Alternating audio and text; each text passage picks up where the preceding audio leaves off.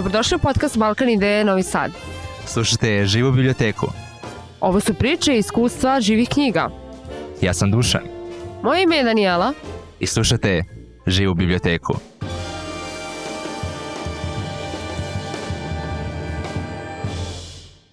ja ne moram da razmišljam da li mogu da uđem u bilo koji lokal, ustanovu, ali postoje ljudi koji imaju to problem. Dobrodošli na naš podcast. Današnja tema je invaliditet i sa nama su studenti Novosadskog univerziteta kojima invaliditet nije prepreka, koji su postigli sjajne rezultate kako u nauci, tako i umetnosti. Današnji gosti, Kristina Jeftović, studentkinja Akademije umetnosti u Novom Sadu i Miodrag Mika Petrović, student pedagogije Filozofskog fakulteta u Novom Sadu. Dobar dan Kristina, dobrodošli. Da li možete da nam kažete nešto malo više o sebi? sebi. Zdravo, zovem se Kristina Jevtović, imam 20 godina iz Novog Sada, sam e, studentkinja, sam druge godine e, muzičke pedagogije na Akademiji umetnosti u Novom Sadu. A kako ste se baš odlučili da studirate muziku? Pa muzika je od bila nešto što mi ispunjavalo i kao mala sam krenula preko crkve da idem na humanitarno na časove klavira i tada sam shvatila da me to zapravo interesuje i upisala sam nižu muzičku školu e, Josip Slavenski u Novom Sadu i krenula sam iz ljubavi čiste, ali kako je vreme teklo, ovaj, profesorica je vidjela kod mene zainteresovanost da mnogo više napredujem i tako smo došli do mnogih takmičenja, dodatnih radova i tako svega. I nakon toga sam upisala srednju muzičku školu Isidor Bajić i Eh, muzika je bilo nešto što me najviše ispunjavalo u životu eh, i pored osnovne škole sam išla i u osnovnu muzičku i tako sam jednostavno vidjela da me to najviše privlači od svega i nastavila sam da se školim u muzičkom pravcu i jednostavno sam rešila da usmerim svoj život na muziku. Eh, klavir sviram od svoje pete godine života, tako da ovaj, već 15 godina i stvarno nema nekog većeg zadovoljstva nego kada i sam taj proces rada na klaviru, a i ovaj, kasnije kada vidim rezultate svog rada. A koju vrstu muzike svirate? E, sviram klasičnu muziku. Završila sam srednju muzičku školu Sidor Bajić za za klasičnog pijanistu. Ali pored toga naravno ovaj, za različite koncerte mogao se prilagodim. Od nedavno sviram i u rock bendu Rock Apoteka, tako da eto sad se malo baziram i na rock, ali prvenstveno klasična muzika. A kažite mi to, završili ste srednju muzičku školu za, za pijanistu, a upisali ste muzičku pedagogiju.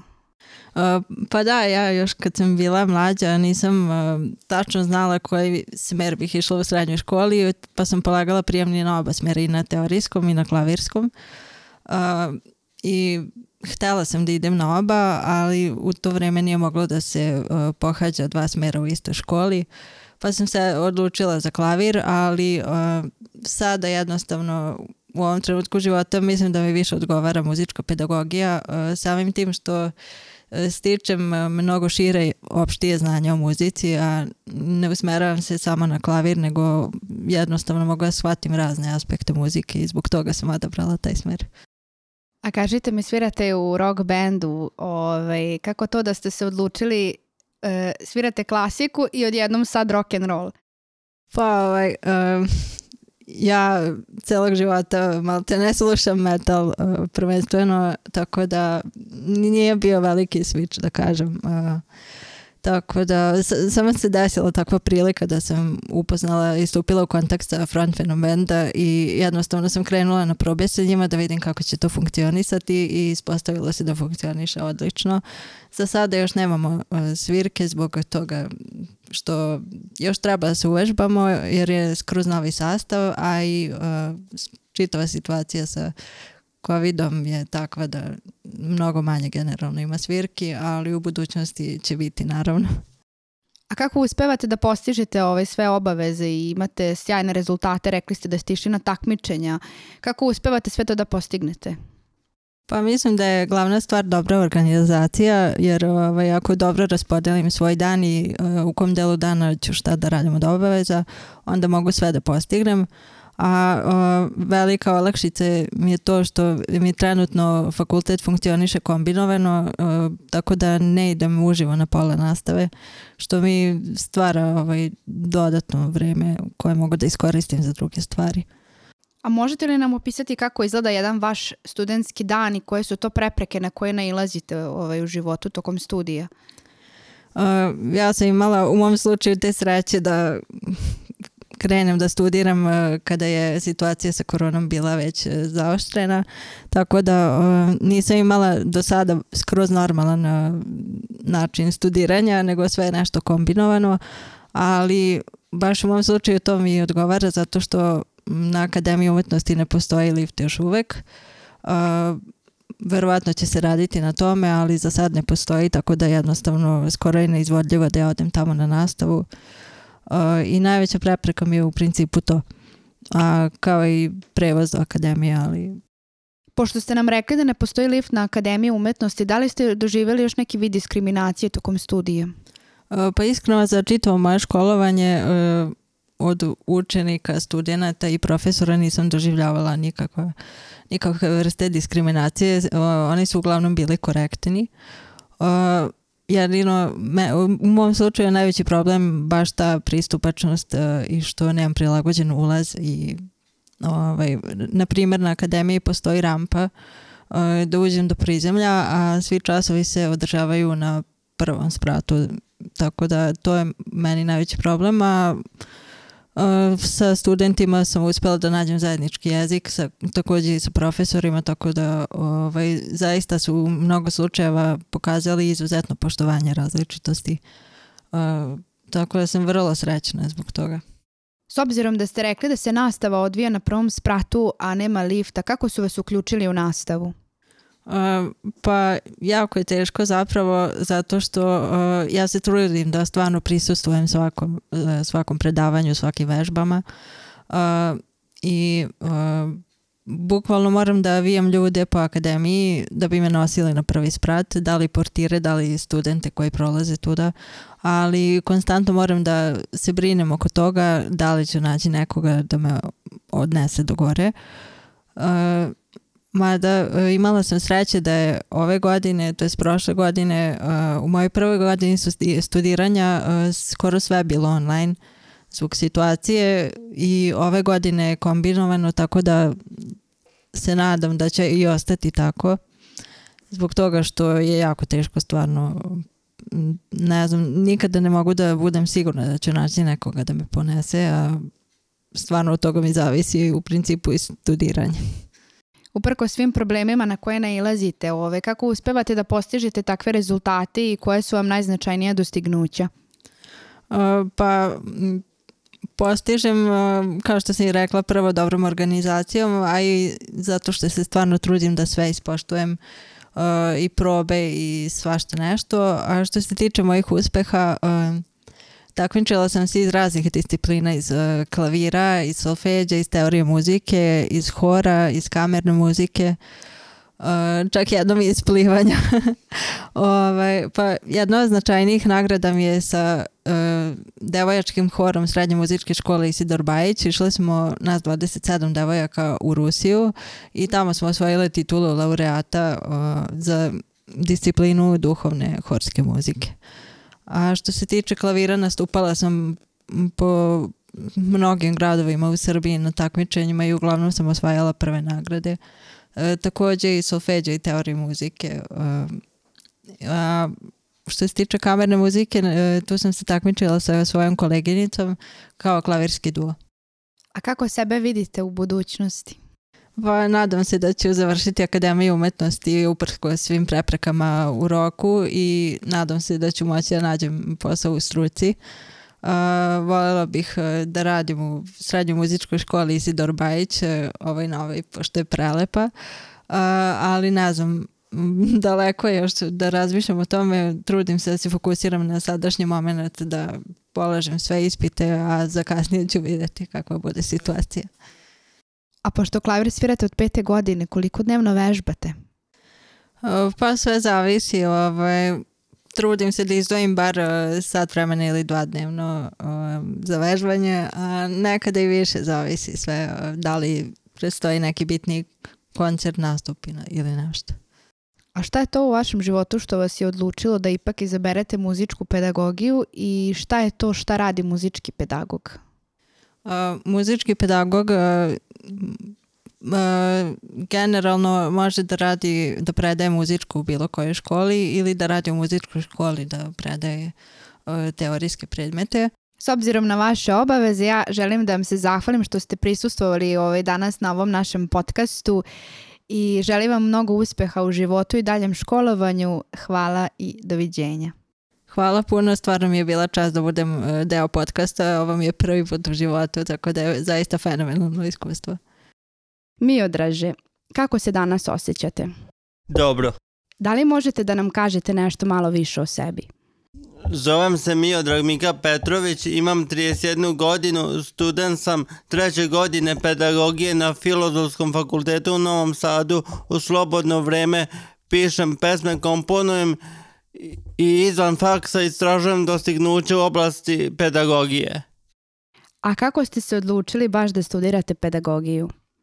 Pedagogiju sam odabrao iz toga što želim sa svim svojim znanjima koje ću steći tokom studija kao i prije studija da pomognem e, deci i odraslima kojima je pomoć neophodna i kojima je neophodan savjet. A možete li nam opisati kako izgleda jedan vaš studentski dan i koje su to prepreke na koje nailazite ovaj, u životu tokom studija? Uvek kad ustanem, odvežbam na lestama, lestvama na ripsolu jer je to bitno da bi osobe sa invaliditetom se razvijale i radila na sebi kako bi se stanje ne bi kvalilo kako bi mogli da napreduju i funkcionišu, kako bi bili ravnopravni članovi društva, jer je fizička aktivnost ne, ne samo bitna za osobe bez invaliditeta, preko potrebna je za osobe sa invaliditetom, jer mnogi slučajevi su dokazali da se može mnogo od toga postići vežbama i upornošću. A što se tiče ostatka dana, uvek sam posvećen od kako ide na fakultet da, da istražim sve iz oblasti pedagogije, da postignem e, sve aktivnosti na fakultetu, da mojim kolegama pomognem kad god je nekome neki materijal neophodan i oni meni pomognu ovako savjetom i na faksu i, i van faksa. I imamo, hvala Bogu, dobru saradnju. Da li vam je tokom školovanja bila neophodna personalna asistencija? U vreme kad sam išao u osnovnu školu još nije zakon prepoznavao personalnu asistenciju ni inkluziju. E, mama i baka su me dovodile u školu koliko su god mogle i, i, i na odmorima su me čekale a to je značajno utjecalo na e- egzistenciju i onda nakon godina, nakon mog snimljenog filma na temu personalne asistencije Neki bolji svet, tri godine nakon toga uveli su u zakon personalnu asistenciju. Personalna asistencija ne, nije neophodna samo meni, nego i osobama sa invaliditetom kako bi bili uključeni u sve društvene tokove i živeli život dostojan čoveka personalna asistencija ne, neophodna je osobama sa invaliditetom da bi bile uključene u sve društvene tokove i da bi obezbedile sebi život dostojan građanina i nisu samo tu osobe sa invaliditetom koje su društveno aktivne. Treba skrenuti pažnju na osobe koje iz bilo kog razloga nemaju mogućnost da izađu izvan kuće jer svima nam je u nekom momentu potrebna pomoć u kući. A da li na fakultetu imate obezbeđenu personalnu asistenciju? Pa, personalni asistent mi je neophodan na fakultetu kad se spuštam prema studentskoj službi zato što ne, nema rampe. Neophodan mi je na fakultetu kad idem u lift zato što je lift uzak pa se teško okrećem sa kolicima, a i vrata se jako lako zatvaraju i bojim se da me ne udara i personalni treba da drži vrata i neophodan mi je e, nekad pri kontaktu s ljudima jer ljudi prilaze s različitim pitanjima i zato mi je neophodna personalna asistencija. A na fakultetu koja ste godina? Uh, student sam treće godine pedagogije. S obzirom da studirate pedagogiju, da li možete da nam kažete čime se bavi pedagog?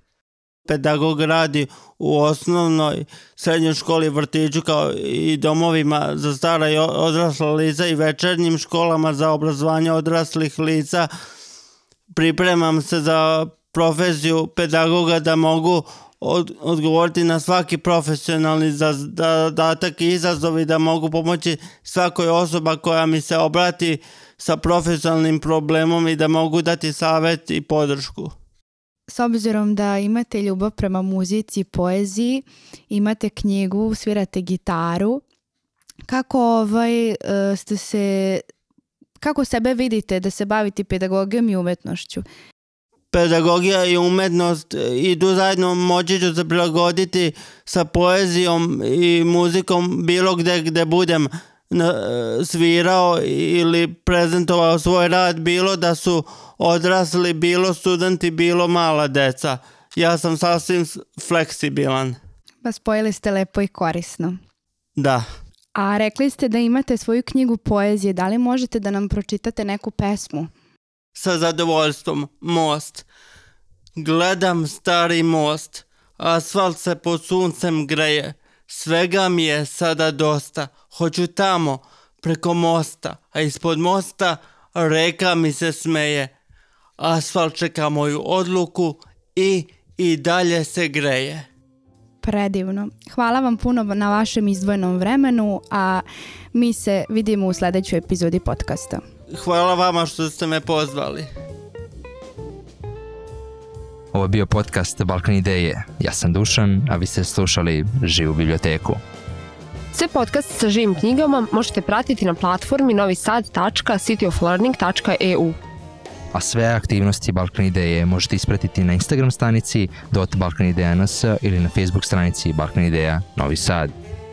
Ja sam Danijela. Nadam se da ste uživali u još jednom podcastu Balkan Ideje. Hvala vam na slušanju i... Vidimo, vidimo se.